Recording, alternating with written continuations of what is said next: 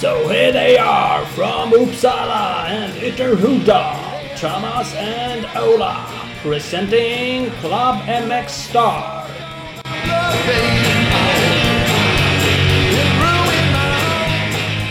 Hallå eller avsnitt 78, Club MX Star Podcast. Jajamän! Där har vi den. Så är det. 78. Fan vad det drar iväg. Ja, det Det är avsnitt sju i år. avsnitt sju år. Då har vi ändå haft ett litet break. eh, Ja, Eftersom jag tydligen det- valde att åka på semester mitt i allting. Jag vill inte pe- peka fingrar, men eh, det var du. Det, men det var jag. Ja. Faktiskt. Solat lite på Mallorca. Faktiskt. Det var till och med någon som tyckte att, att jag hängde ut dig som skrev att du skulle dra på semester. Fast jag fick förklara att det var faktiskt du själv som hängde ut dig att du skulle dra på semester. Asså? Ja. Du Ja. hänga ut mig, men du fick inte berätta att jag skulle vara på semester. Jo. Nej, nej, tydligen inte. Att, du skulle inte berätta, behöva berätta vem det var som skulle dra på semester. Men nu hängde jag ut dig genom att. Men det var jag som skrev det. Ja, ja, ja. Det var inte så jävla Det noga. hade jag kunnat gjort. Hade Det- det, varit jag som var ansvarig för Skype-kontot den dagen hade jag absolut gjort det. Inga problem. Eller på Twitter var det. Ja, så är det ju. Nej, skiter man väl i. Det var jag som var borta. Nu erkänner ju till och med jag det. Ja, Ja, så är det. mer borta än vanligt. Det är till och med på semester. Ja, till och med på semester faktiskt. Så det var ju nice. Det var jag och en miljard cyklister på Mallorca. Ja, smutt bara ni. Det är tydligen cykelmecka så här års. Ja. Gubbar i tights. Onödigt gubbar. tajta kläder. Jävlar så fint. Det var rätt mycket gubbar också faktiskt. Det verkar ju vara en, en cykelsport. hammocks överallt. Ja, men... ja, men det är ju oklart att man ska behöva börja cykla när man blir gubbe. Ja, Ja. Gubbar, åk hem med framförallt är det jävligt jobbigt att cykla på en sån där jävla bergig ö liksom. Och då tänker man sig då Ja. gubbar äldre än en själv bikar runt där. Men ja, ja. Så äldre än det också. Ja, de var ju fan det. De De såg här runt lite på dagen och sen drack de väl bärs hela kvällen bara för att slippa från tanten hemma. Det är inte omöjligt att det var så. Kan det ha varit så? Ja, kan det ha varit så. Ja, ja. Vi får väl testa på det där någon gång.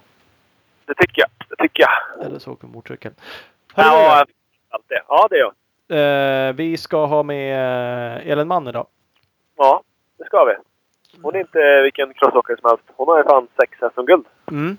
Det är inte så jävla dåligt. Och total femma i VM som bäst. Och har varit på pallen i VM. Och, ja. Eh, Det finns lite. Och det är den första till återblick liksom. Oldies eh, med en tjej. Ja, Så, Det faktiskt. är mycket gubbar som har slutat. Men... ja. Mm. Det finns fler sådana. Mm, ja det gör det. Så det. Men det är jävligt kul och som sagt hon har haft en jäkla karriär. Eh, jag fick ju lära mig, det kommer alla få höra snart, men att hon har haft en hyfsad karriär även i USA. Hade jag ingen aning om. Du hade lite aning. Men Ja, det är lite aning. United States of USA. Det där har ju du koll på. Du har ju alltid lite bättre aning än vad jag har. Ja, faktiskt. Om det sen är så eller om det bara som jag säger, det vet man inte riktigt. Nej, nej. det kan vara så att det är så. Det Jag är vara lite, lite mer crossnörd än dig helt enkelt. Ja, ja. Lite sämre på att åka. Eller bara lite mer nörd än mig kanske. Ja, det kan det är omöjligt. Ja, Jag var lite sämre på att åka, på åka så jag har fått liksom kolla på mer. ja, ja, så kan det ju vara. Ja, men det är så. Du har ett jävla minne också. Det har ju inte jag. Nej. Jag kanske har vetat om det där men glömt bort det. Exakt. Tre gånger om också. Ja. Ja, äh, lite, lite så kan det vara. Det var därför jag hade en hemsida och skrev massa grejer förut på mxstar.se för att kunna återblicka. Liksom.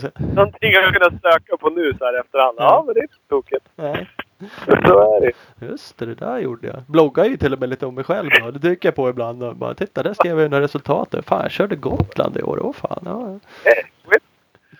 Ja, det säger jag. Så kan det vara. Hörru, vi ska tacka några av våra fantastiska samarbetspartners. Det ska vi absolut göra. Eh, och vi har bland annat med oss Big Balls MX. Det är ju troligen Sveriges största och framförallt bästa Suzuka-handlare. Eh, vill du provköra och sen såklart handla en Suzuki då kontaktar ni Big Balls-grabbarna i Växjö. Eh, gå in och kolla på www.bigballsmx.com och Big Balls MX på Insta. Jajamän. Och sen har vi PC Parts med oss. Nordens ledande offroad-leverantör med coola varumärken som 100% Seven, Bell, Maxim Oljer och Atlas-skydd. Seven eh, 2017 Spring Edition finns i butik nu. Så det är bara att skena iväg direkt och kolla upp det. Finns eh, pc-parts.com på webben eller PC Parts Europe på Instagram. Ja, det ska man göra. Och Mafi, Morabolaget Mafi som tillverkar och säljer antennfästen över hela världen. Det är kanske inte alla som vet att det är just det de gör. Är man inne i cross-svängen så vet man ju att de har haft cross-team tidigare och de fortsätter faktiskt även i, nu och sponsrar flera svenska förare. Bland annat Ken Bengtsson, Tim Edberg med flera. Eh, spana in www.mafi.se. Just så. Och sen har vi Speed Equipment med oss. Den klart bästa cross-enduro-butiken i Västsverige. Hela Västsverige. Det är ganska stort. I butiken finns nu de senaste grejerna från Seven och Scott och även Kuberg Eltrials. Så kolla in www.speedequipment.se eller åk dit. Eller kika SE Racing Sports på Instagram. Ja, och vi har Opus Bilprovning. De har över 80 stationer i Sverige från Kiruna i norr till Helsingborg i söder eh, som erbjuder både kontroll och registreringsbesiktning på samtliga fordonslag. Eh, Opus Bilprovning, din samarbetspartner när du ska bygga om ditt fordon. Eh, www.opusbilprovning.se och Twitter har vi dem bland annat på Opus Bilprovning. Jajamän. Eh, där har vi ett eh, gäng av dem. Det kommer ett gäng till sen. Eh, stort, stort tack. Vi kan ju inte vara nog tacksamma för att de supportar oss. Eh, Faktiskt, faktiskt. Och är det nu att någon lyssnare här känner fan jag skulle också vilja vara med, men kanske inte sådär mycket. Så då har vi, vi har ett swishnummer som är 123 592 4816. 123 592 4816. Det kan man inte ringa på, men man kan, eh, man kan vara en polare och sätta över 4-5 spänn där man har råd. Ja, Det skulle inte göra så ont. Det kan vi använda till något kul. Ja, det är ju faktiskt så. Jag tror det kostar så här en krona eller någonting per som sätter in. Eller om det kanske är två. Ja. Så sätter in en krona hela tiden. Då, då går vi till och med back. Om ni nu mot förmodan hatar oss. Ja, så gör inte det. Varför berättar du det? Nej men jag tänkte att vi måste ju öppna upp här liksom. Oklart. Ja, Ja. för, för våra haters också. Ja, De ja, ska också kunna... Ja men de måste också få en chans. Så Ja, är det. Jag håller med. Vill, vill ni skärpa oss och sätta oss i konkurs så bara go nuts. Skicka en krona i taget. det är inga konstigheter. Nej, så är det. Ja, jävla tråkigt. Så är det. Eh, strax Elin Mann. Eh, det händer väl alla möjliga saker. Vi har ju väldigt spännande supercross om inte annat. Ja, det där är väl onödigt spännande nu. De är ju är- eh, på lika många poäng. Exakt jämna. Dungy och eh, Tomac. Tomac är det ju som tar in hela tiden och har tagit in. Ja, faktiskt. Danji, jag måste säga att han hade lite otur i helgen ändå som blev i kulldragen av att någon annan framför drog ut en jävla tough block i starten som han och var det Bogle körde in i. Ja. Och liksom kraschade han i sist iväg i starten och körde upp sig till blev fyra i mål. Tappar fyra poäng till på uh, Tomac som också gjorde en dålig start men som ändå blev tvåa i mål. ja. Så att, och Det, Moose Can vann. Moose Cannon vann. Det, ja, det gjorde han bra. Det gjorde han. Det Vilken han. jävla bana. Jag är ju typ rädd när jag ser hur de åker. Spåriga, sönderkörda jävla... Det är helt sjukt. Ja, alltså det är verkligen varenda uppfart och varenda landning är ju så här. Inte vet jag. Känns som det är 20 stycken jävla cykelställ i dem. Och så ser man något foto sen efteråt. Då, då ser man det ju ännu mer. Det ser ju sjukt skrämmande ut på TV. Och så ser man liksom bilderna på hur det ser ut lite mer när de kommer och kör liksom. 20 Ja. cykelställ i uppgången och 20 stycken uppe på någon sån här jävla step on step off liksom. Och så, Alltså du välja ett spår, landa i det och så bara dra fullt och hoppa av det och hoppa ner i nästa spår som är 10 meter bort. ja, att de inte skrotar hela tiden är ju Ja, imponerande. faktiskt. Och Dungey kör ju... Han åker liksom smooth på ett annat sätt än vad Tomac gör. Tomac köttar ju det där verkligen. Han tar i. Så att inte han skrotar ofta, det är konstigt. Nu slog ju han ändå runt snett framlänges. Eh, ett Ja. av hoppen där. Ja. Landade lite kort. Men det sket ju han ju upp och bara på det igen. Men han drar ju verkligen. Ja, han laddar ju lite. Men det är klart, han har ju blivit tvungen att kört i fatt nu om det ska bli något överhuvudtaget liksom poängmässigt. Ja, det blir eh, kul att se nu när det är tre race kvar och, och de är jämna. Om han fortsätter ladda sådär eller om han känner att det är läge att börja backa av lite. Ja. Det är klart, backa av finns det också en risk. Men annars kan man ju känna att han kanske borde känna av läget lite. För att det, det finns ju såklart risk att gå på Absolut. det ordentligt. Det där är ju lite hans åkstil, alltså att, att ladda. Jag kommer inte ihåg vad det är Nationals för två år sedan han gick ut och bara tog dominerade de första heaten och så gick han på skroten så in i helvete sen. Ja, och så var han borta. Ja, sen var han rökt. Så att, eh, ja, det är en jävla avvägning där. Jag tror Dungey är liksom, vad ska jag säga, mera trygg i att åka sitt mässigt liksom eh, dieseltempo. Mm. Men för Tomac är det nog bara att fortsätta ladda som gäller. Går det så går det. Blir det en titel så blir det. Annars så... Ja, är det nog, kan det vara trassligt. Mm. Ja, men så är det. Tomac hade vi skrivit på nytt kontrakt med Kawasaki, var förlängt. Ja, Flerårskontrakt. Jag tror inte det stod så mycket detaljer. Danje gick väl ut och sa att han inte har bestämt sig. Han skulle bestämma sig Nej, till Vegas typ. kanske Eh, skiter i det här. Ja, det kan ju vara så. Då är ju frågan, hur känner man då, då om man ska sluta? Såklart vill man ju sluta på topp. Samtidigt vill man ju antagligen inte sluta med en nack och ryggskada eller någon annan skada. Eller... Nej, nej faktiskt. Jag tror... Ja, jag vet inte. Det har ju spekulerats mycket i att han... Eh, inte bara av oss, eller säga. Han, att han blev lite skraj när Oxen eh, skrotade undan sin arm där så pass. Efter det så har ju Dungeons resultat ah, planat ut lite. Ja. Hela hans åkning, hela hans karaktär känns som att den har planat ut lite efter, efter det. Liksom. Mm. Men... Det- eh, ja, Faktum är att man läser ibland och hör intervjuer med de här. Man tror ju att de här är hur iskalla som helst. Att det är en banlek för dem att åka ut på en sån här bana. Eh, Men, men de är ju rädda kanske är fel ord. Men även de där grabbarna tycker att saker och ting är stort. Och den där utsektionen är eh, lite scary och sådär. Absolut. Och så.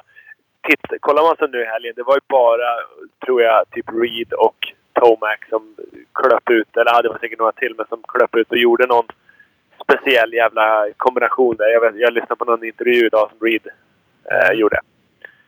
Och, och det bevisar ju ganska mycket att det här är ju jävligt special när det är bara verkligen några killar som går och bara nu måste jag ladda satan för att ens våga göra det här. Man kan åka hela träningen och hela kvalerna och bara nej, nej, det- nej det sitter inte, nej det sitter inte. Och sen helt plötsligt mitt i heatet så bara nu går det. Och så gör man det. Mm.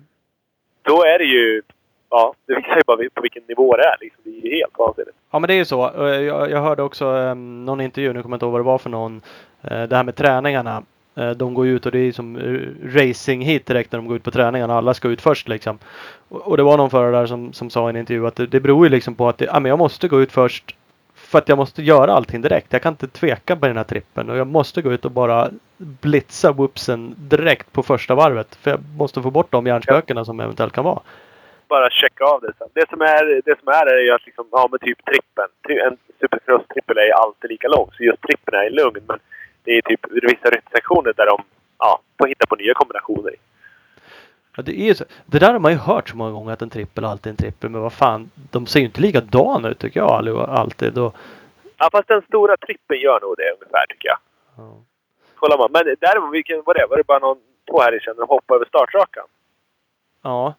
Det kändes ju långt så in i helvete! Ja, det blir ju några jävla dubbelhopp ibland bara som känns som de är Ja, det var ju, ja, det var ett dubbelhopp som var över startrakan liksom i slutet på starten in i, in i startkurvan. Så Ja. hoppade de över den jäveln. Det kändes som det var... Ja, jag tror aldrig de skulle landa. Nej. Nej, de är helt Ja. bisarra ibland och det är... Men som sagt, det, det är ju rätt fascinerande att höra att även de där grabbarna som man tror bara åker ut och chillar på en sån här bana. Det Att de är... har en liten klump i magen. De, Mm, de har liksom det. Så Ja. att, eh, ja, coolt. Ja, Nog om kör vi det. eller? Nu ringer vi eh, Elenman och kollar läget. Yeah. Ja, hallå, det är Elin här. Ja men tjena tjena Thomas. Ola, Hej. hej hej. Ola. Välkom- Trevligt. Välkommen till våran eh, podcast Klubben med Star. Tack så mycket. Tack, tack. Känner du till Har det överhuvudtaget? Ja, precis. Har du lyssnat på något Jo, förut? jo, jo, jo jag, har, jag har eh, lyssnat lite faktiskt. Ja, du ser. Ja, Det, det var en fråga sådär om du, om du hänger med lite grann. Så att du, du, hänger, du hänger med i crossvärlden och cross-Sverige fortfarande, eller hur? ja lite grann. jag, har inte, jag är inte helt borttappad om man säger så, men eh, ja, jag följer inte varje dag. Nej, du har inte stenkoll. Sitter inte på alla Ja. forum och, och skriver och, och håller koll. Nej, nej, det gör jag inte. Vad skönt. Ja, Ja. ja precis. Annars då? Du bor nere i, bor du i Holland? Ja, jag bor i Holland med min kille och min son. Mm. Eh, Vi bor på ett ställe som heter Echmonansey. Ute vid havet. eh, Och så driver vi restaurang faktiskt. Du ser. Ja, du ser. Ja. Och så verk, verkar det hänga en del på Kanarieöarna. För där var det väl igår va? Ja, ja precis. Nej, vi har, eh, har två bostäder där inom familjen så jag är där en del. Mm. Ja. Faktiskt. Det är inte Så det är skönt att... Nej, det är fint, eh, fint väder framför allt. Ja. Precis. Det är aldrig fel. Så det, så det är kul att träffa familjen också när, när man är ledig liksom allihopa. Ja, Så det, det är skoj. ja det kan man tänka sig. Holland, det är ändå sådär lite cross, eh, crossmecka tänkte jag säga. Är det därför du hamnade där eller var det bara en tillfällighet ändå? Att du... Nej, det var bara en tillfällighet för eh, min kille är därifrån. Ja, Så vi träffades faktiskt på Gran Canaria. ja. Jaha, han, sen- han är ingen gammal crossåkare heller. Nej, han är ingen gammal crossåkare heller. Så att, eh, Fan vad skönt det är också. ja, det kan vara skönt. Ja, det är faktiskt skönt. ja, Var du inne i några år eh, annars? vad sa du? Ja, för du, du var ju inne i det några år annars kan man ju lugnt säga liksom. Ja, absolut. Ja. Nej, jag körde 19 år totalt och eh, 10 år var väl lite mer eh, seriöst och med professionell, professionell eh, karriär och så. Ja. Så att, eh, nej, det har man gjort det ganska mycket. ja, jo men så är det ju verkligen. Grabben då, Ja. jag lyckades, eh, han är strax över ett år. Stämmer det? ja, han är ett år. Han är ja, 14 månader nu. Blir, blir han crossåkare då, Okej. eller håller du han borta från det? Nej, vi får vi se vad han vill göra. Det får han bestämma själv. Jaså? Så man ska aldrig säga aldrig, men jag ska väl inte tjata på honom att börja. Nej, alltså jag, Men det kan mycket väl bli så. Ja, jo det är väl så. Det måste vara annorlunda att bli intjatad på crossspåret av morsan. Farsan tycker att ah, men du kan spela fotboll, för morsan tycker här, cross är grej. Prova cross. Det, det måste vara lite speciellt om det skulle vara så. Ja. Ja, Det, det är nog inte lika det är vanligt i många alla andra fall. Nej. Nej, det är nog vanligare att det är någon... eh, Nu försvann hon. Det lät så. Eller så ignorerar hon dig. Men nu bara ruttnar hon. Ja, ja man läste direkt. Är du kvar eller? Nej, det lät som the breath. Ta det där. Ta den igen då. Mon. Ja, hallå?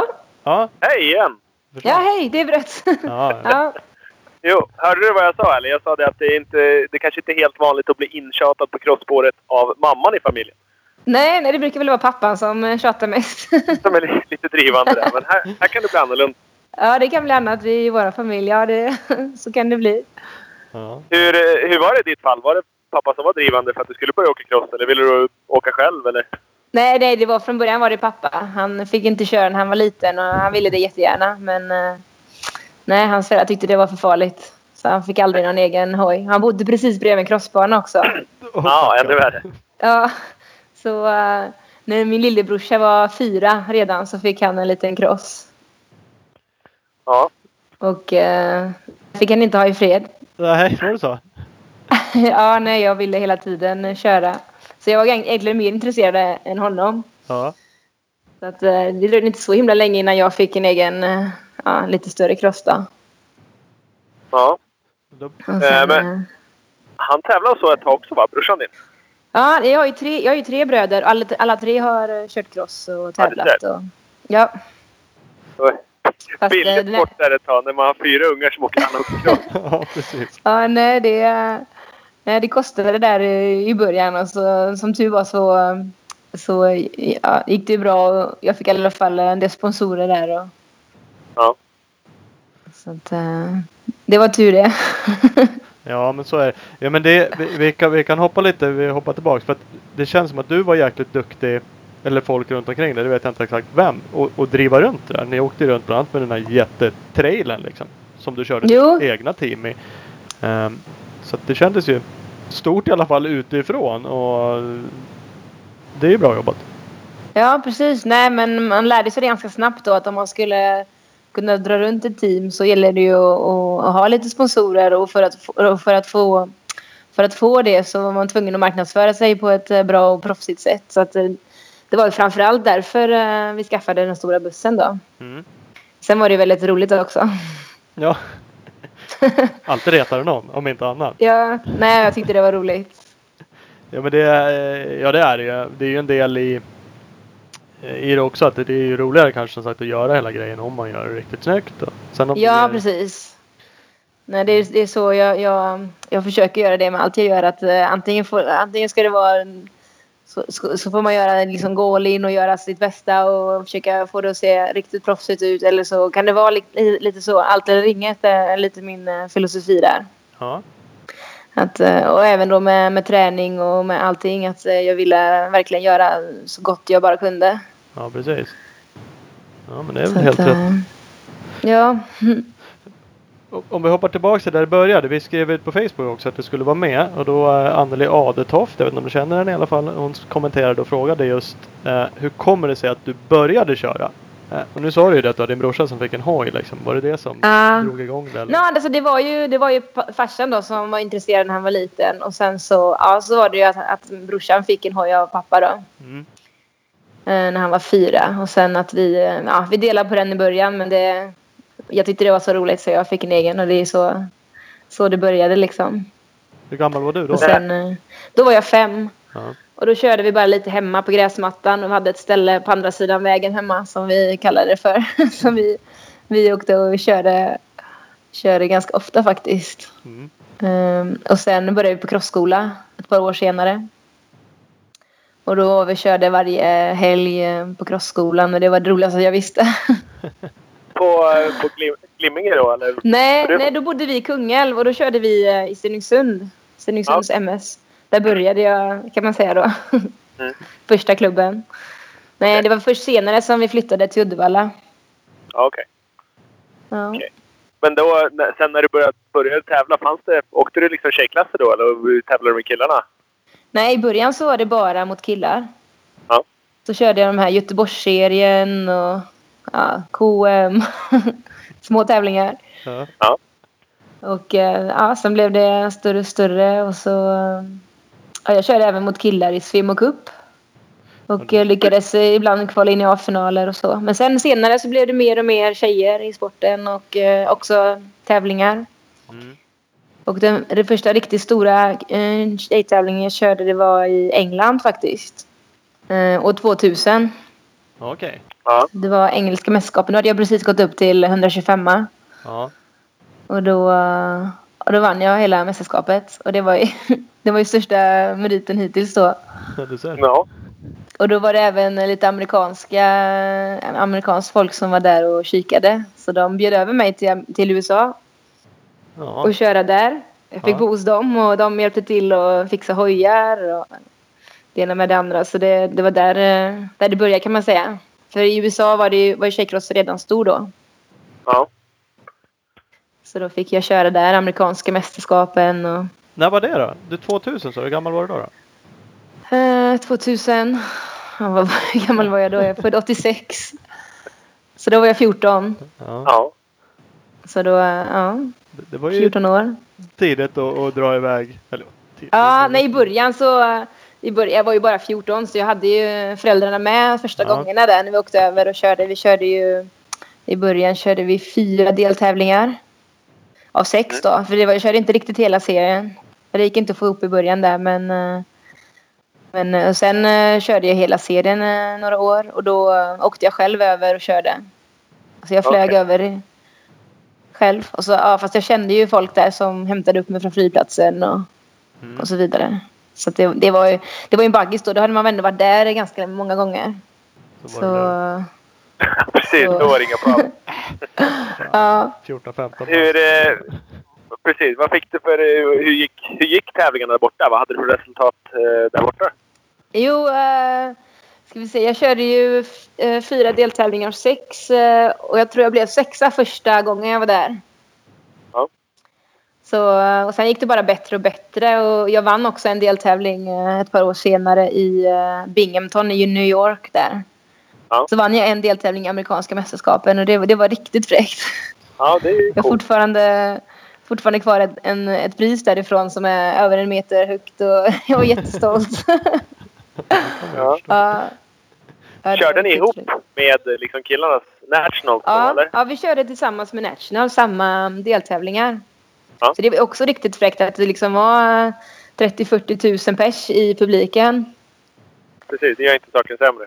Om man ändå passar på att vinna liksom. Nej, nej, det var ju riktigt fränt. Och så gick det ju på tv och allting där. Och... Nej, det var riktigt fräckt faktiskt. Ja, och, så, det- och så komma hem och så var det väl, då hette det väl fortfarande RM i Sverige? Jo, då hittade det fortfarande RM. Det var först eh, 2004 så blev det SM.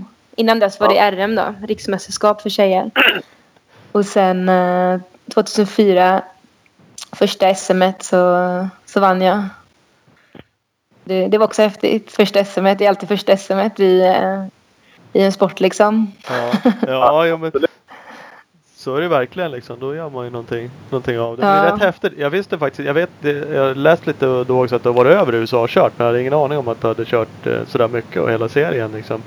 Nej, nej, i början körde jag hela serier och sen eh, lite senare så blev det en eh, VM-tävling som gick varje år i Texas. Ja, Så då var jag över bara för den tävlingen då. På slutet där. För då körde jag inte. Det var ju som amerikanska mästerskapen först. Och sen fast VM är ju, det klingar ju, klingar ju lite högre. Så då åkte jag och alltså även några tyska tjejer och så åkte över och körde mm, den deltävlingen där. ja just det. Eller den, de- den VM. Ja, det var bara en deltävling. En VM-tävling där då. Som gick ihop med VM i USA, eller gick det med det amerikanska mästerskapet? Fast de, Nej den, nej, den gick inte ihop med Nationals. Utan det var, det var tjejerna som var i fokus där, den tävlingen. Ja okej, det var liksom ett, Det var innan det började bli liksom VM-serien med flera deltävlingar. Ja, ja precis. Ja. Jo, för sen blev det ju även VM då. Men det, var ju, det, ju, det har ju varit i eh, Europa. Mm. Eh, Tjej-VM. Och eh, ja, det började med två deltävlingar. Sen blev det tre. Och sen eh, var vi uppe i sex deltävlingar. Och på slutet när jag körde var det åtta. Mm. Men eh, ja, det var mest... eh, ja, det var, det var ja, mycket i Tyskland, Frankrike, Italien. Någon deltävling i Bulgarien varje år. Och så i Sverige då, Uddevalla. Mm. Ja, Uddevalla hade väl ganska ofta en, Ja, de, en de, del liksom. ja, varje år i princip Mm. då. Under ganska längre tid så var det alltid tjej-VM i Uddevalla. Och det var ju fräckt. Det var ju liksom på hemmaplan. Och, och jag flyttade till Uddevalla då så jag bodde ju där också. Så det var ju verkligen hemmaplan för mig. Ja. Som bodde tre kilometer ifrån banan där. Alldeles lagom. ja.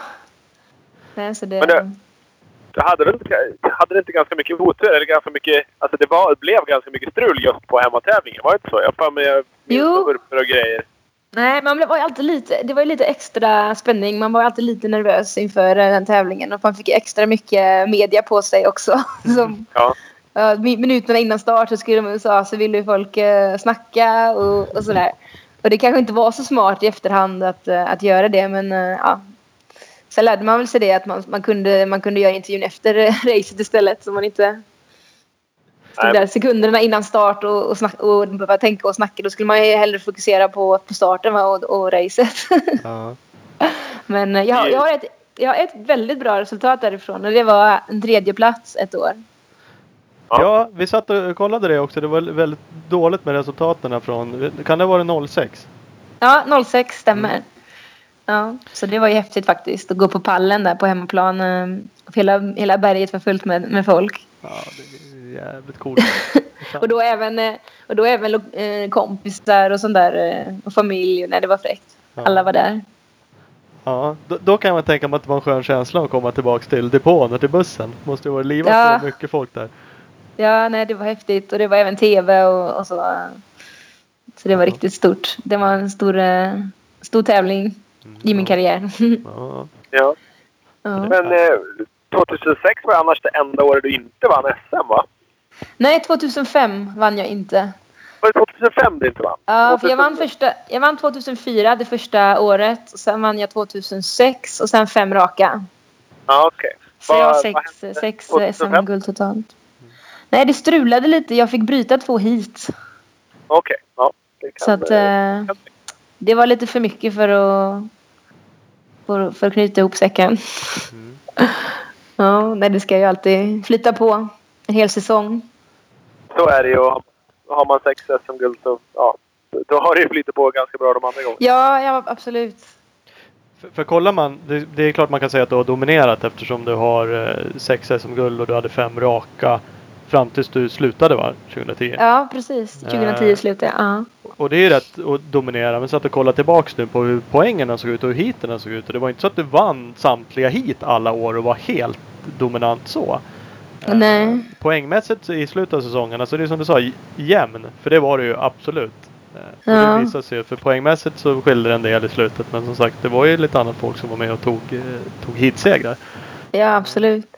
Nej, min taktik var ju alltid att, att försöka vara jämn då, en hel säsong och inte göra misstag. Och, för SM var ändå väldigt viktigt för mig eftersom ja, för sponsorer och, eh, och för mig själv också. Det var liksom vik- viktigt att vinna den där totala segern alltid. Det var mycket viktigare än en heatseger liksom. Mm.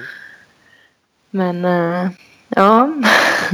Ja, det är bra. Jag såg det var Anders Wallsten som hade skrivit en artikel eh, på MX in Action tror jag. Det var 51 eh, vinster totalt i SM också.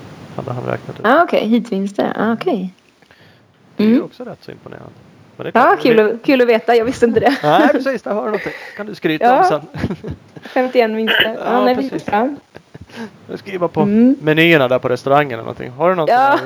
skrytsida där, där du står om dig själv? Nej, jag har inte det. Priserna har jag, man står hemma ja, ja, på övervåningen. typiskt. ja. Var du, var du en extrem, du nämnde det lite tror jag, men var du en extrem tävlingsmänniska? Så? Var du, ja, nej men det måste jag väl säga ändå att jag var. Det... Vi, vi fick, fick en annan fråga eh, också från, uh, från samma tjej, va? Anneli där. Hon frågade hur... Uh, tappade jag bort det bara för det. Hur du såg på liksom kost och, och träning. Gick du in hårt för ja, även kosten? Jo, jo, men det gjorde jag. Jag var, in, jag var ingen sån som knaprade vitaminer eller kosttillskott eller så. Utan jag försökte få i mig allting eh, genom maten. Mm. Så det blir mycket grönsaker, frukt och att tänka på att man ska få med sig allting eh, i kosten. Och sen tränade jag väldigt hårt så det blev ju också kolhydrater och ja, protein var viktigt och, och så. Ja, men så det är, När man ändå tränade så hårt så tyckte jag att det är dumt att inte, att inte få med allt i alla delar som eh, i konceptet om man säger så. ja. Jo, ska man ändå träna mycket så är det ju lika bra att få ut det mesta av träningen också. Då behöver man ju faktiskt ha lite, Ja, absolut. bränsle till. Ja, Men det jag minns ju också man såg ju mycket, du var ju mycket eh, utomlands, du var väl i USA och la lite träningar och du var på mycket andra läger för säsong liksom. Som många gör Ja. såklart men det kändes som att du var du var väldigt ambitiös där och framförallt kanske Jo. säger inom tjejkrossen. Det var väl några andra som satsade. Nu satsar ju du mycket på VM och sådär också såklart men ja nej absolut. Nej, jag kände väl särskilt på vintrarna då att, att vädret inte riktigt var optimalt i Sverige för cross. eh, Så det blev väldigt mycket eh, träningsresor till eh, lite värm- varmare länder där, ja, där crossen också var lite framåt. Som USA då. Åkte väldigt ofta till Spanien och körde. Mm. Och ibland har det va- varit i Italien och kört. Och eh, var även på, mycket på Stefan och Harry Everts läger i eh, Benicassim i Spanien och, och på försäsongen. Mm. Och, nej, men jag försökte liksom få den optimala starten på, på säsongen alltid. Och, så ja, nej det var därför. Ja, jo.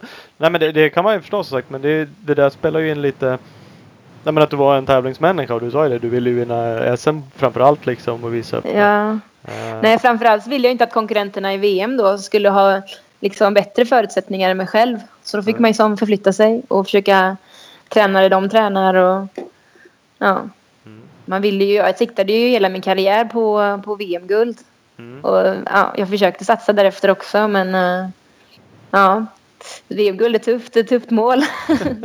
Ja, ja, ja det är så, det. att, eh, så att jag nådde inte riktigt ända fram. Och, eh, det var väl också till slut därför, därför jag slutade. Det var även för att eh, jag kände att i VM så räckte jag inte hela vägen fram. Och då hade jag ändå kört eh, under tio års tid riktigt professionellt och satsat så hårt jag bara kunde. Mm. Eh, och så kände jag att eh, jag räckte inte riktigt ända fram. Och att det då helt plötsligt skulle blomma till då efter tio år. Det, den risken kände jag, det, det, det var inte riktigt där de sista, sista sekunderna där. Nej. Och eh, i SM då hade det ju gått bra och jag hade fått eh, ganska många guld så jag, kände väl till slut att eh, att, att, ja, att det inte blir så mycket bättre om man säger så. Nej. För min del. Att jag inte kunde riktigt eh, um, ja, att det var att jag, alltså jag blev ganska, var ganska nöjd då. Det, det kan man men du var ju ändå inte så gammal när du slutade väl? Nej, 24 bara. Ja. Men med tanke på att jag började när jag var fem år och sen efter, ja, runt 14 år där så började jag ju köra professionellt. Och då höll man liksom på. Då var man liksom, höll man på varje dag och tränade. Och så hade jag hand om sponsorer, min hemsida, med media. Eh, mycket tävlingar och träningar överallt. Mycket resor. Så det var, det var liksom Ja. mitt liv. Ja, Precis. Så ehm, ja, det kanske inte låter så länge, eller att jag kanske, jag kanske inte låter så ehm, gammal när jag säger att jag slutade när jag var 24, men jag hade ändå kört väldigt länge då. Jo. det får man Så är det ju verkligen. Och ja, känner man liksom... Känner man att motivationen börjar ta slut, att man inte liksom kanske riktigt når fram dit man vill, då är det ju svårare att motivera sig att liksom, ja, fortsätta åka på. Bara Ja, på precis. hemmaplan då. Och liksom svårt att motivera och jaga sponsorer och pengar och allt sånt där som måste fram för att det ska funka. Ja, precis. Nej, man måste ju ha motivationen verkligen eh, varje dag när man går till träningen liksom. Och, ja, det är ju så. Ja. Alltså proffs var det ju såklart eftersom du, du satsade, det var det du gjorde. Fick du, så här, fick du ekonomin att gå ihop så att du levde på det liksom? Ja, nej, jag gjorde ju det. Det är jävligt... Så det tror jag inte. Jag tror att jag var en av de få faktiskt, eh, särskilt bland tjejerna, som eh, fick det att, att, att gå ihop så pass bra. Så jag hade liksom, eh, jag levde på det under tio års tid. Mm. Men Ja, det, var ju, det var ju som sagt, alltså det, det var ju som sagt ganska mycket jobb då med, med marknadsföring och sådär. Absolut, men det är, nog, det är inte, nog inte många av killarna som har gått runt på det i, i tio år och levt på det. Nej, Om man ser det så heller. nej inte många i alla fall. Nej, de är nog ganska lätträknade. Så det har det ju, har det ju lyckats. Ja. Ja, i alla fall svenskar är det väl ganska lätträknat känns det som, som verkligen har drivit runt det. Och, Nej precis, nej, men jag, jag hade ju sån passion för det också. Det, alltså, det, var det, roligaste, det var det roligaste jag visste. ja. Och det får, så får man nästan känna. För det var liksom min hobby, det var mitt jobb, det var, ja, det var min fritid. det var liksom allt för mig då. Så liksom, eh, det blev, ganska, det blev en ganska stor omställning där när jag slutade faktiskt. Ja. Ja, vad, vad gör man då? Bara, du, du gick trappade ner och skulle bli teamchef ett år? Ja, Eller, nej, jag, ja. jag tyckte att det var kul att ändå vara kvar i branschen. Liksom, för jag visste faktiskt inte riktigt vad jag skulle göra när jag väl slutade. Så jag tänkte att eh, det hade varit kul att, att köra team ett år och så, och så um, satsa på det. Och sen eh, ja, så hade jag också lite tid att, att känna vad, vad, vad jag ska satsa på härnäst. Liksom. ja. Men eh, det var faktiskt roligt. Det var, ja, jag tycker så här om man, om man jämför då med, med att köra själv eller ha team så tyckte jag nog ändå att köra själv var snäppet häftigare och roligare. ja. Men det var ändå jättekul att ha det där teamet faktiskt. 2011 hade, hade jag det. Ni, ni körde det hela året i alla fall? För det vart bara ett år med Ja. det teamet? Ja, det blev bara ett år. Och vi var ju officiellt KTM-team där och Mm. fick eh, behålla ganska mycket sponsorer till det året. Så det, var- ja, det var väldigt roligt att köra det. Mm. Fick lä- fick lära mig mycket av det också. Att stå vid sidan av och coacha och det blev en liten annan roll där. Ja men det är klart, alltså insyn i det hela hade du ju och kontakt med dina sponsorer om du tog med det.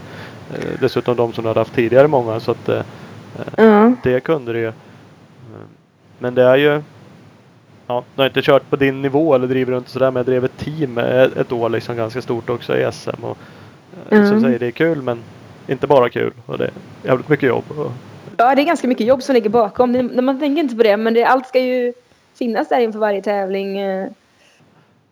Ja, stor teambuss, man ska upp med tält och det är... eh, Man ska vara först där och sist därifrån. Och, ja, Ja, det är exakt.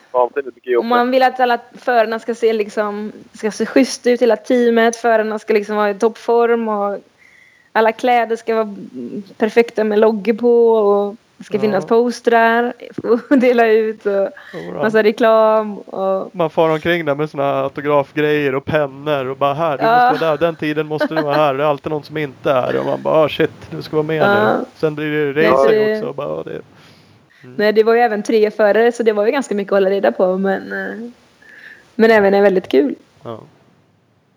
ja men det är klart. Mm. Har du mer, för restaurangen drev du, eller ni själva nu? Det är liksom en restaurang ni äger? Ja, vi har tagit över den. Mm. Har vi gjort. eh, Den ägde min, min pojkväns eh, föräldrar först. Okej. Så nu, nu har vi haft den i, i två år här. Mm. Så att, eh, Gått några år emellan i alla fall. Men har, har du med dig liksom det du ändå hade kring teamet och bara sponsorer, alltså företagsamheten som du ändå hade? ja, ja, företagsamheten är absolut, men det är ju lite, det är ju en annan bransch liksom och lite annat och så, men det är klart att man, att man kan ha med sig något gott från, från crosskarriären och teamet i det naturligtvis. Var, Mm. var inte bortkastad då.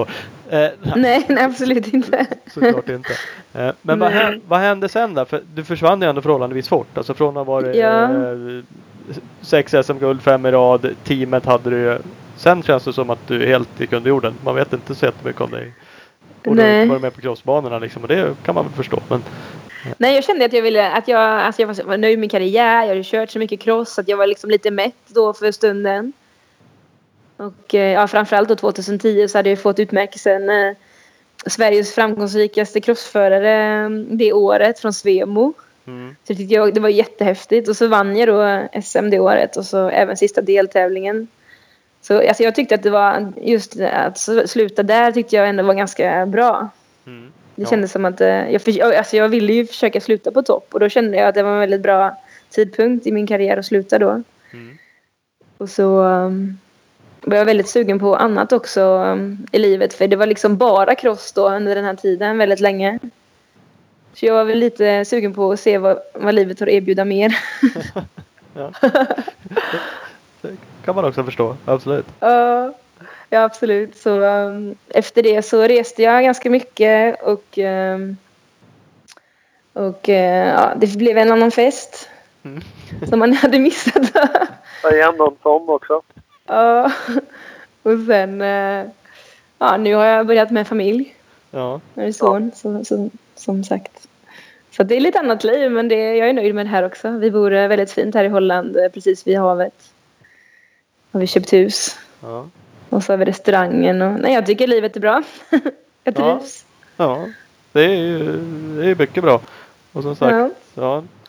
Jag har också en grabb som fyller ett nu alldeles strax. Så att man inser det är ju ett eh, nytt liv också. Som Ja. barn ja, precis. Nej, jag tycker det är, det är väldigt roligt. Mm. Roligare än vad jag hade trott faktiskt. Jag hade trott att det är bara jobb. att det, men jag tycker det är helt underbart faktiskt. Ja. Ja, men det är skönt. Men- du längtar inte tillbaka? Det finns aldrig något så här. För man kanske skulle köpa en hoj och köra lite grann eller? Jo, men det finns väl lite i baktanken så här. eh, Ibland när man kollar man lite på cross på tv och så blir man lite sugen på att köra. Men det är, samtidigt är det ju väldigt mycket som man ska införskaffa och, och sådär.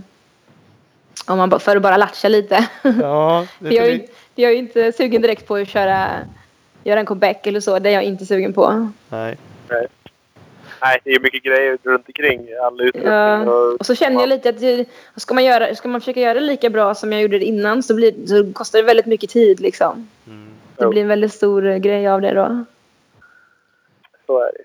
Sen är det mycket yngre, mycket yngre tjejer nu som, eh, som kör väldigt bra i VM och så. Ja. Så att... eh, Ja, det är ju inte bara att, att, att komma tillbaka så. Du skulle säkerligen köra fort. Det där är för olika. Det finns ju alltid de som har varit duktiga som helt enkelt tappar extremt mycket. Och vissa är ju Mhm. så här tal- talangmänniskor. Då känns det som att man alltid Ja. hoppar på och i alla fall köra fort något varv. Ja, precis. Nej, jag, jag tränar ju väldigt hårt men jag känner jag var nog också en liten talang faktiskt. Jag fick eh, lite grann gratis. Eh, tror jag. Var du, eh, Mm. hoppa tillbaka, när du körde mycket mot eh, killar och sådär. Var du duktig då också? Det finns ju också tjejer, Emelie Dahl var väl någon sån där som spöade jättemycket killar. Eh, Emmy Wallberg körde ju ifrån många liksom. Hon åkte 80 kubik och Ja. Nej men alltså i Sumo Cup och så så kvalade jag in i A-final eh, ganska ofta. Mm. Och då var det ändå A, B och C-final så då, ja, då var det ganska många killar man spöade och det var ändå Sumo Cup är ju ändå ungdoms-SM. Mm. Så att eh, ja så det var många killar som fick spö. Har, du, har ju såklart varit med om det här. Så efter, ja, dels bara för att du är tjej i en mansvärld tänkte jag säga. Men just i en manssport också. Har det varit mycket snack kring sånt då? När du spöade dem och när du hade teamet och det gick bra Ja, liksom. oftast blir farsorna väldigt sura. ja, det är så. Särskilt då, då när de var lite yngre, när, alltså när vi körde Sumo Cup och så. Tyckte de Så kunde man "Vad höra en annan här? kommentar." Ska hon köra här verkligen? Från papporna som blev sura då när de, deras son blev eh, ifrånkörda. Ja, vad härligt. Eh, Testar du inte ett MX3 SM också? Eller? Har vi inbillat oss det? Jo, jo, jag tog poäng till och med. Ja, då, då måste det vara ännu fler som blev sura. Ja. Nej, jag körde ju, jag körde ju en del eh, 525, alltså KTM 525 kubik. Och eh, det var mest för att bli stark och, och liksom få bra träning, extra bra träning då. Ja. Men tyckte att det var skoj att testa ett eh, MX3 SM. ja, och varför inte? Fan vad skönt liksom att bara ta den största hoj du kunde hitta. Och så, ja. Ja, varför- nej det var, det var kul. ja, men det var, Men åkte, åkte du en, en tävling eller flera tävlingar? Eller? Jag åkte några tävlingar, eh, bland annat på Ripa på Kristianstad. mm. Ja, det, den mest lättåkta banan också. Ja, nej det var inte den lättaste, lätt och, lättaste banan med en sån stor hoj. Men eh, nej, det var skoj. Ja. Jag vet inte om det var därför, men du gjorde det där. Det blev ju liksom en liten grej om det, minns jag det som. Såklart, det är lite kul. Eh, För sen, nu har ju reglerna ändrats. Nu får inte tjejerna köra så här stora hojar. Visst ändrades det där någon gång? Eller vart det senare? Nej, precis. Bland, I tjejklassen. Då Ja. blev det liksom max två- 250 fyrtakt då. när, när blev det det? Eh, ja, vilket år blev det? För jag vet, Det var- det, när ni började köra RM, då åkte väl du 450 ett tag? Ja, ja det gjorde jag. Ja. Men undrar om det inte var när, när det blev SM då? Kan det vara så? Ja, gick Jag tror det. 2004 då. Ja, precis. För det måste ha varit mycket senare som du körde MX3 SM? Eller? Ja, ja, jag kommer inte ihåg vilket år det var faktiskt. Men det var, det var mycket senare. Ja. Men, men med- mot killarna får man ju köra större. Ja, precis. Är det Ja. så fortfarande? Jag får för mig att... Jag tror det. Ja, ja, jag, Jag har inte riktigt koll på reglerna just nu men nej, nej. då var det ju så i alla fall att, eh, att om man kör mot killarna så fick man eh, även köra större eh, motorcyklar. Ja. Ty, tycker du att det var rätt att de drog ner det då för, för er? Eller hade du, hade du ändå gått ner på hoj då? Eller åkte du fortfarande 450 när de ändrade reglerna? Nej men jag tycker det är ganska bra faktiskt. 254 takt är ganska bra. Den, alltså det, det är tillräckligt med, med power i den.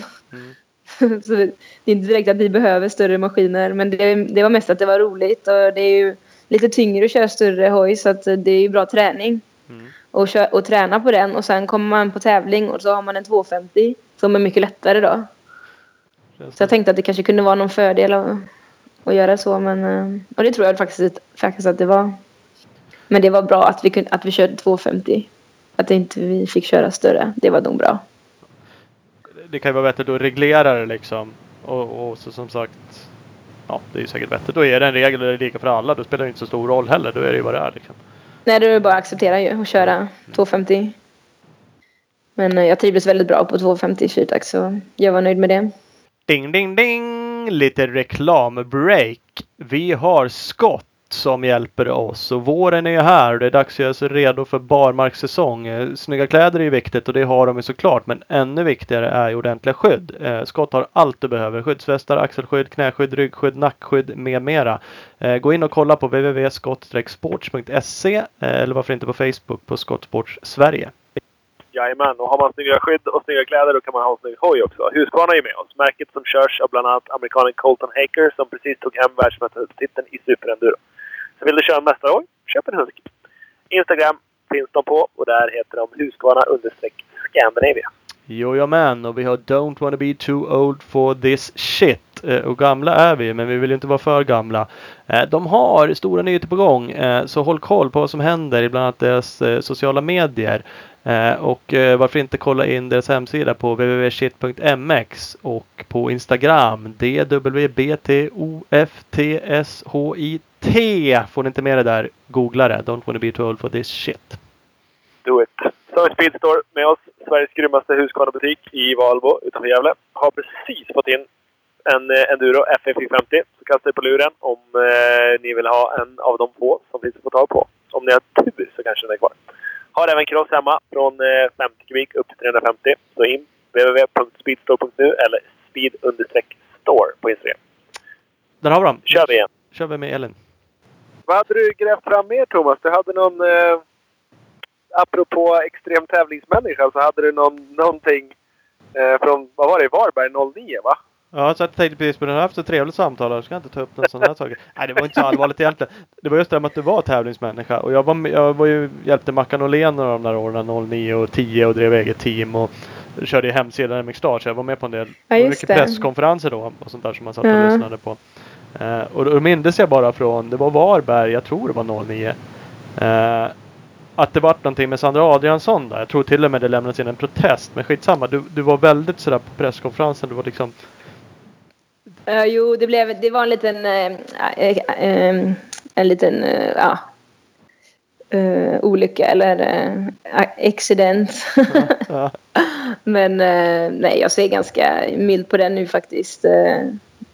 Att man är ju väldigt fokuserad och i stundens hetta kan man bli väldigt arg när det Ja. händer något på banan. Så att då var vi väldigt arga på varandra men nej. Det är Var- inget var- som man tänker på nu mer. Var det så här kasta grejer på varandra i depån? nej, nej, nej, inte så. Nej, det har man aldrig gjort. Kasta grejer på varandra. Men eh, vi var ju bra konkurrenter och eh, efter, efter alla de åren som vi körde ihop så att det hände en eh, liten eh, incident där så var inte så konstigt heller då, tycker jag. Så här Nej. efterhand. Nej, det är inget konstigt alls. Vi, Men, jag och eh, Ola brukar ju sitta och säga att vi nästan tycker det är för tråkigt. Det är sånt som händer. Det är sånt som Ja, händer. Och- det är bara kul när det händer. För att då, alltså, då, det visar ju bara på att, att du verkligen ville vinna och, och hon med. Att ni var ju liksom tjurskallar bägge två. Och jag, jag är sån så att jag tycker inte alls det är kul att förlora. Jag blir skitsur. Så att det är ju bara, det är bara kul att höra att det är fler som är likadana. Ja. Så är det ju. Men, Ja, men- var det Sandra som var liksom tuffaste motståndet på, på SM genom karriären? Eller? ja, nej men absolut. Det var det. Vi var, vi Ja. var, vi var st- stora konkurrenter där. Hon vurpade ju rätt mycket men hon var ju onödigt liksom, seg, vältränad när hon inte vurpade. Ja, absolut. Nej, vi var lite eh, varandras motsatser där kan man säga. Ja. Men, Ja. eh, Ja, alltså, Hon, det- det hon åkte, kanske, hon åkte Men- kanske lite fortare men vurpade oftare och du, du var liksom jämn och åkte stadigt. Ja, nej, jag Och försökte fortare. ändå stå på hjulen i SM och så, så jag kunde åka hem med mycket poäng. Ja. Ja. det var ju min taktik. Men eh, ja, det kändes lite som att hon slog från underläge, för hon var ju oftast tvåa ett, ganska länge där. Så hon satsade väl lite hårdare, lite vildare och då hände det lite mer, eh, lite mer Precis. saker, lite mer olyckor lite mer krascher och ja, Ja. Ja, men det det var, var nog så kanske för, därför. Ja, för när jag gick igenom resultaten så var det ju sådär. Ja, Sandra Adelsson dök upp och vann ett hit. Men hon vann ju sällan Ja. två i rad. Utan då var det ju som sagt, tappade hon ju rätt mycket poäng i något annat hit efter Ja, precis. det. Eh, Så att hon... Och min, min taktik i SM var ju alltid att försöka vara jämn. Liksom över en säsong. Så att... eh, ja.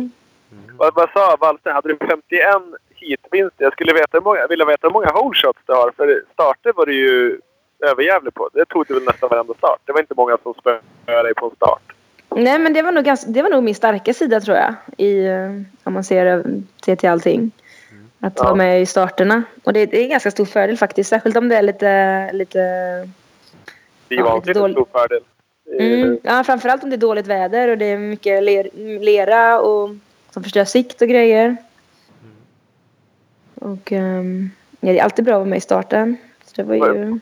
Var det någonting du tränade på eller var det någonting som... Alltså det, det, det kändes lite som att det kom lite med, med självförtroende. Du visste att du skulle ta starten och de andra visste att ja, Elin tar starten. Det liksom, Nej men, det, nej, men det, det är mentalt. Det är mentalt. Om man tänker så här att nej, jag kommer nog inte ta starten, då gör man ju aldrig det. nej, nej. Utan ska man, ska man ta starten så måste man bestämma sig innan, tror jag. Ja. Jo, Så det så sitter ju. mycket i det- huvudet faktiskt. Och, Och de andra Bara- 29 bestämde sig också för att du skulle ta starten och, och ja, då blev det ju så. nej, men jag vet inte hur de tänkte, men jag tänkte i alla fall att eh, starten den tar jag. Ja, Och om man, om man siktar så, så är det större chans att man tar den naturligtvis. Ja helt klart. Sen tar man ju inte- varje start, men om man har den inställningen så är det ju större chans. Absolut. Men det var inte så att du lade ner extra mycket energi och tränade just starter och så eller? Nej, nej det gjorde jag inte. Det är klart jag tränade på starter också, men inte överdrivet mycket. Nej. De gick ju ändå ganska bra, så jag fick fokusera på kurvor som var kanske lite svårare för mig. Ja, Hoppen har alltid varit lite min eh, starka sida också. Ja. okej. Men... Mm. Holdshot och snygga hopp. Ja, men, men startar och det du sa mentalt och det är det klart. Och man måste ju ha de inställningen att vara först. Jag var på 80-kubikstiden så här, ah, men det är lite jobbigt att gå ut först. För jag var inte Mm. snabbast. Så jag kände så ja men tar jag starten. Då kommer jag bli omkörd av fem, sex stycken åtminstone. Liksom. Så Ja. var det så här, ah, men då är det bättre att jag startar då femma, sexa. Men, Okej. men, men det mentala spelet funkar ju liksom inte. Då var man ju liksom 26 istället. ja, absolut. Nej, man måste försöka sikta på... Och det är liksom ta alltid starten lika. alltid. Ja, det är liksom Ja. först eller annars så är du mentalt slagen liksom. Så känns det som. Ja, man tänker, ja, man tänker att några ska hinna före en i kurvan då. Då är det ju ganska många som hinner det. Ja, det, det var tydligt det. Ja. Nej, men även i VM gick det bra med starterna faktiskt för mig. För det var då och då som jag fick till och tog starten i VM också. Ja. Så det, det är ju riktigt häftigt. Sen, eh, sen var det ju några som var snabbare som åkte förbi. Men det var oftast inga konstigheter. Men, eh, För VM har vi inte betat av så mycket egentligen. Du trea totalt i Uddevalla. Det var ju tidigt 06. Sen var du eh, i den deltävlingen. Sen var du femma totalt i VM som bäst va? I hela VM-serien. Eh, Stämmer det? Senare år alltså? Några år ja, senare. totalt sett. Ja, absolut. Var det det fler det- då? 09 tror jag bland annat. Vad var du 08? Ja, jag var femma ganska många, ganska många år tror jag. Eh, Men du har också varit haft, eh, jag hittade i alla fall, du har ju varit på pallen, eh, trea i ett VM hit i Spanien tror jag 09. Eh, Så att du har varit med Mm. där uppe ändå. Nej men alltså när det går riktigt bra så var jag ju liksom på pallen. Men då var jag tvungen, all, allting var ju tvungen att, att, att sitta perfekt då liksom. Mm. Ehm, men annars så, ja, runt femma har jag ju varit ganska ofta. Mm. Så att, ehm, Men det var ju några där, du körde ju mot Steffi Lajer och Livia Lancelot och ja, ja. det var ju några som höll på där några år. Och var. ja. Nej, det var, jag tyckte ändå att det var ganska stor konkurrens då. Mm. Även bland tjejerna. Ja, helt klart. Så det var svårt att slå sig in där på topp tre. De var, de var ju Larissa Pappenmeier också. Ja. Och sen uh, Chiara Fontanesi var ju duktig. Sen kom ju några amerikanskor också och var med. Mm. Ganska ofta. Så det, det, var, det var tufft var det. Så även när man var- var femma någon gång så kunde man känna sig ganska nöjd med sin prestation och sin körning. Och så var man ändå bara femma. Man var bara femma men Ja. det var ju... Det var ju, alltså det, även om man kände sig fan det här gick jävligt bra så var man ändå bara femma. ja. så det, det var ju segt. Ja men det är klart och har man då, eller man vet att man dessutom har varit högre i några hit när, när allting stämmer och du har som målsättning att kanske vara med och vinna som vilket du hade. Ja. Då är ju, då är man kan ju alltid ha en femma. målsättning. Jo, Sen var, jag ju, sen var jag ju nöjd. Om, om jag- var på pallen så var jag ju jättenöjd. Men man hade ju ändå målsättningen. Man siktade ju ändå hela vägen. Mm. Ja. Så att, ehm, ja. Det är Men- så. Men, är, eh, men- kan du se tillbaka även på VM-åren liksom som, och vara eh, nöjd liksom? Eller hade Ja, ja, men det kan jag faktiskt göra. Sen i VM hade jag lite annan taktik än i Sverige. För i Sverige var det ju väldigt mycket för mig att försöka vara jämn och, och få ihop mina poäng och inte bryta några hit. Utan i varje hit ska jag försöka få eh, ihop poäng så att jag kan eh, gå en hel säsong liksom och få bra resultat. Mm. Men i VM var det mer eh, det är inte så mycket att förlora. Så där var det mer satsa och försöka, ja, försöka köra järnet i 25 minuter. Mm. Eller 20 plus 2. Mm. Så att, eh, det var lite annan taktik där från min sida. Ja, men så blir det väl. Alltså, det ser man ju sagt var även bland, bland här. Där hade jag liksom inget att safea. Nej men det blir ju så. det var liksom bara att ge allt man hade varje hit. Filip Bengtsson är väl ett ganska bra exempel där. Han- Han liksom, ja, hade ju lite lekstuga när han var hemma och åkte SM och när han kom ut på VM så fick han ju bara krana precis så mycket han kunde så länge han kunde och sen försöka att inte bli förkyld när de körde om. Ja. För att då, ja. Nej, så det, det, det är ju annorlunda. Men det är ju Mm. av att vara med där fram och försöka ta i och försöka gasa så mycket man kan så länge man kan. Det är ju det man lär sig åka fortare av. Ja absolut, det är jättelärorikt att köra VM. Absolut. Det lär man sig mycket ifrån. Ja. Ja men det måste ju vara så för som sagt Filip också som, som sen kör hemma i Sverige. Då har ni VM-tempo. Och i SM då hjälper det jättemycket. Ja, Såklart liksom. absolut. Nej, det tror jag är jättenyttigt. Absolut. Men det är så. Det, det är lättare sagt än gjort. Det är inte bara att ge sig ut och köra. Det var det väl inte då för er heller. Ni fick väl kanske Nej. vara med liksom. Det var inga kval och sådana saker. Men det är inte dra ihop en VM-satsning eller som du var i USA eller. Eh, Nej, precis. Det kräver lite jobb. Ja, det gör ju det. Det var inte så himla många svenskar som var med och körde. Men då när jag körde. Vi var väl kanske fem, fem stycken som var och körde hela VM-serien. Och, eh, nej, men det var, det var faktiskt ganska tufft att få ihop en hel VM-säsong så. Med allt vad det innebär. Ja, det kan man ju förstå. Ja. Jag, jag såg faktiskt, jag visste inte det, eller att Natalie Kane körde ju också även då. Eh, Hon har ju kört SM några år nu och gjort det, gjort det bra. Ja, absolut. Det är kul att hon är och kör SM. Tycker jag. Ja men det är det, är det verkligen. Det har ju höjt liksom den serien. Ja, ja precis.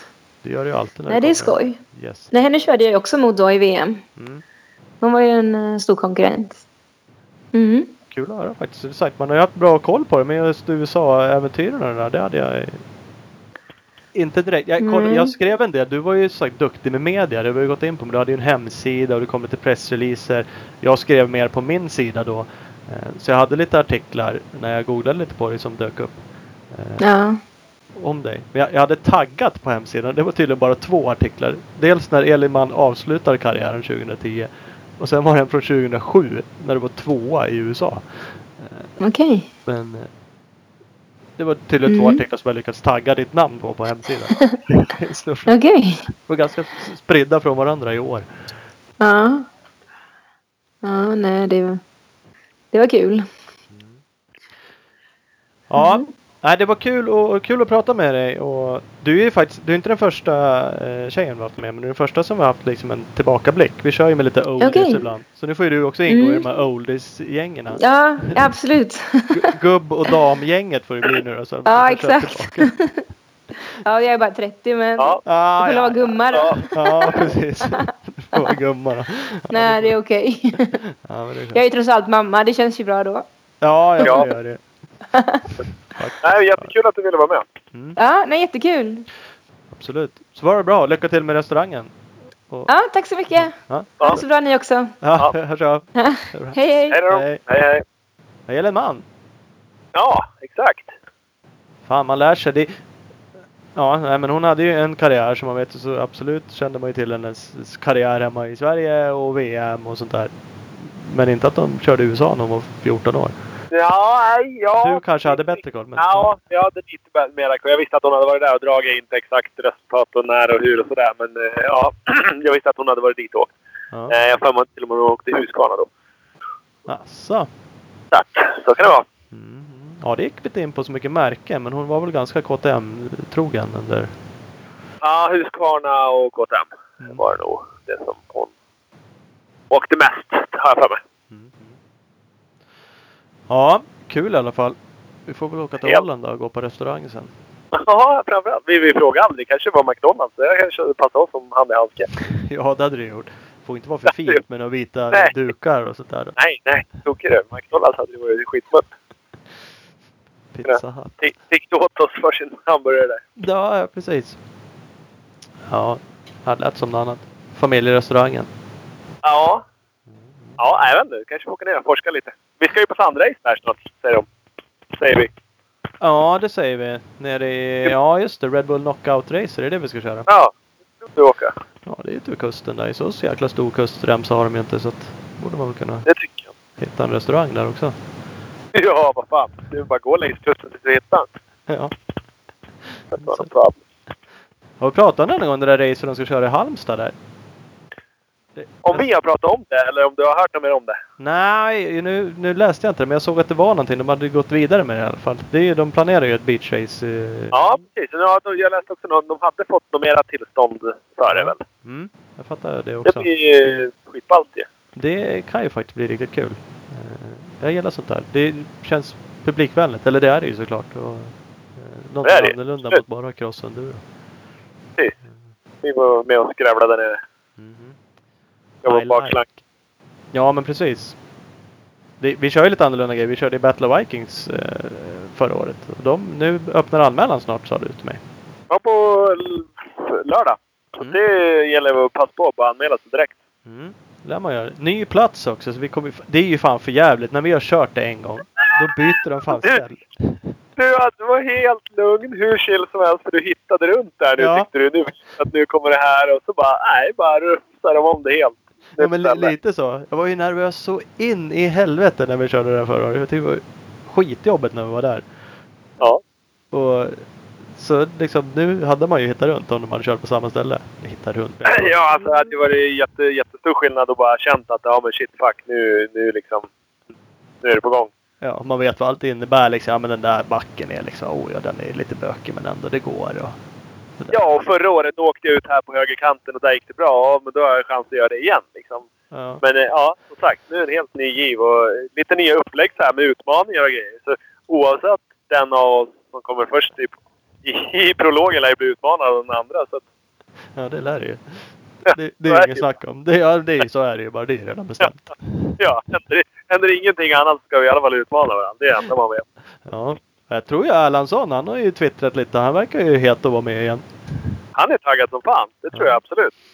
Ja, jag tror jag, ja, den är gamla, vad var det? 2012 hans Honda står väl kvar osvettad i garaget där med nummerplåten eller skiten kvar. Så att, Den är liksom bara plocka fram. Den är ja, bara Ja, trycka, trycka på den igen. trim, trimma upp en ny jävla bike. Såg du att det satt en Klubben Mixtar-klibba på den? Jajamän, jajamän. Den är så fräscht. Ja. Blåtrimmad uh, Honda. Det var väl kanske inte hans? Det var nog uh, lill, lill uh, Mackans det. Ja. Lill-sparven lär väl ha något skapligt att åka i. Han, han väger ju väger som en riktig karl snart han. Ja, gör väl det. Jag blir Ja. stor så att man har lite skapliga bitar att dra på. Fan, lär man ju trimma på grejerna. Det är inga konstigheter. Ja, nej, vi utgår ifrån att han blir med på podcastutmaningen. Ja, precis. Är det- Är det någon mer så här eh, high, high, eh, higher up i in, industrin som vill vara med och bråka så kan man eh, chansa se om man får vara med. Det är inte säkert. Nej, det är inte säkert. Det var ju något annat race där också. Vad hette det? Bahusen? Kan... Bauhusen, ja precis. Det är också där nere någonstans. Som är det. Jag vet inte. Det och eh, Nosseman eller vad den heter, den norska. Blir ju någon Ja, form precis. av cup-aktigt va? Var det inte så? Ja, exakt. exakt. Eh, Nordisk mästare i, i Go, Go Enduro. ja, gå och bära motorcykelenduro. Det är inte så jävla dåligt att bli mästare i det. Nej, det är det inte. Och det roligaste är ju att det kommer ju förmodligen vara någon mer eller mindre specialiserad åkare. För jag tror inte någon av svenska enduro-eliten kommer att åka alla tre tävlingarna. Nej, de flesta verkar inte vilja ställa upp i någon av dem. Nej, exakt. Kvarnström frivilligt anmäler sig att filma oss istället för att åka själv. Bara för att slippa. Det verkar, det verkar vara många som är så här, verkligen bara glömde. Finns inte. Ja, allt är givet. Är du dum på riktigt? Nej, men så att därför så känns det som att någon, någon specialiserad Magnus Thor eller någon sådär som, som satsar lite mer på de där grejerna kommer eh, kunna vinna en sån grej. Och det är lite kul. Mm, Ja, det är jävligt roligt faktiskt. Och det är ju annorlunda. Det går inte att komma ifrån att det inte bara är att vara svensk mästare i enduro och tro att man kan vinna Battle of Vikings eller liknande. Nej, men vi, alltså, vi, är nu, nu skjortade ju du av mig på Battle of Vikings senast, men eh, vi är ändå topp 10 på Stångebro i vår klass, du och jag. Och, ja, ditt resultat var inte något topp 10-resultat heller. Liksom. Nej, det var det ju inte. Inte så. Vi var ju halvplanter bägge två. Liksom. Och då eh, kan vi ändå åka hyfsat i, på vanlig enduro, Ja. Men det var ju... tycker man ändå. Jag har ju 450 cross nu så den är väl helt jävla optimal för sådana där aktiviteter. Det måste det vara, det tycker jag. Vadå? Är det så bara tvekar så bara slå på kopplingen. Ja, det ska vara det. Man får ju upp hojen i alla fall på ett eller annat sätt. Ja. Men Du, det är roligt det där. Du har en 450 cross och jag har ett par nya gympadojor. Så det blir ju ja, lättsprunget i alla fall. ja, det är det. Ja, Ja. Det är olika det där. ja, det är så olika. Det är så olika. Hörru, ska vi, vi tacka för oss? Ja, det tycker jag. Ska vi tacka några samarbetspartners lite snabbt? Det, det tycker jag också. Det är nästan viktigare. Så tycker vi att alla avslutar med att faktiskt eh, lyssna på dem. Det går ju jättesnabbt. Vi kör ju snabbis genomgången av dem här nu. Kör exakt så fort vi kan kör vi. Eh, och passa på. på alla och för lyssnar man inte på alla då missar man det vi säger efteråt. Och det kan ju vara något super top Ja, secret det var deluxe. något, eh, Det är någon utlottning av någonting eller vad som helst. Vem vet? Nej, så lyssna så går ni in på allas hemsidor, alla sociala medier och följer dem på allting. Skriv någon kommentar och tagga in oss. Ja, exakt. Så händer det ingenting mer än att vi blir glada. Framförallt det. Så är det. Vi har ju Speed Equipment med oss. Det är din KTM Suzuki Honda-handlare i Vänersborg. www.speedequipment.se och de har Instagram, SE Racing Sports. Ja, så har vi Scott med oss. Det är no shortcuts bara. Det är deras slogan. Inga genvägar. Så enkelt är det. Där finns de www.skott-sports.se på webben och eh, Skott Sports Sverige på Facebook. Jajamän, och Opus Bilprovning. De har över 80 stationer i Sverige från Kiruna i norr till Helsingborg i söder. www.opusbilprovning.se Yes, så har vi Husqvarna med oss i år igen. Absolut värsta motocross endurohojarna som finns på den här marknaden. Husqvarna understreck Scandinavia på Instagram. Ja, och Bike... BioClean Bike Wash ska vi säga. Eh, Klart bästa tvättmedlet till din cross enduro bike. Då använder vi såklart. Eh, Kolla in dem på Facebook och ni kan beställa på deras hemsida www.bikewash.se. Jajamän. Och eh, Don't wanna be too old for the shit. Eh, www.shit.mx på webben och eh, dwbtofthit på Instagram. Snyggt. Speedstore, bästa butiken i Valbo utanför Gävle. www.speedstore.nu Instagram, speed-store. Jajamän. Och så har vi Big Balls MX. Fantastisk butik i Växjö. Succa-handlare. Spring dit, köp en sucka och åk därifrån. www.bigballsmx.com och bigballsmx på Instagram. PC Parts, när du vill synas då väljer du PC Parts. pc-parts.com och PC Parts Europe på Insta. Jajamän. Och så Mafi, Morabolaget som tillverkar och säljer antennfästen över hela världen. www.mafi.se. Fan så jävla härligt. Fantastiskt. Där har vi det. Nu kör vi Top Secret. Släng iväg ett meddelande till oss på eh, Facebook eller Instagram så skickar vi ut lite stickers. Ja, så berätta att ni har lyssnat ända till slutet. Top Secret! Ja, Bra gjort. vi kör på Hej då! Hej.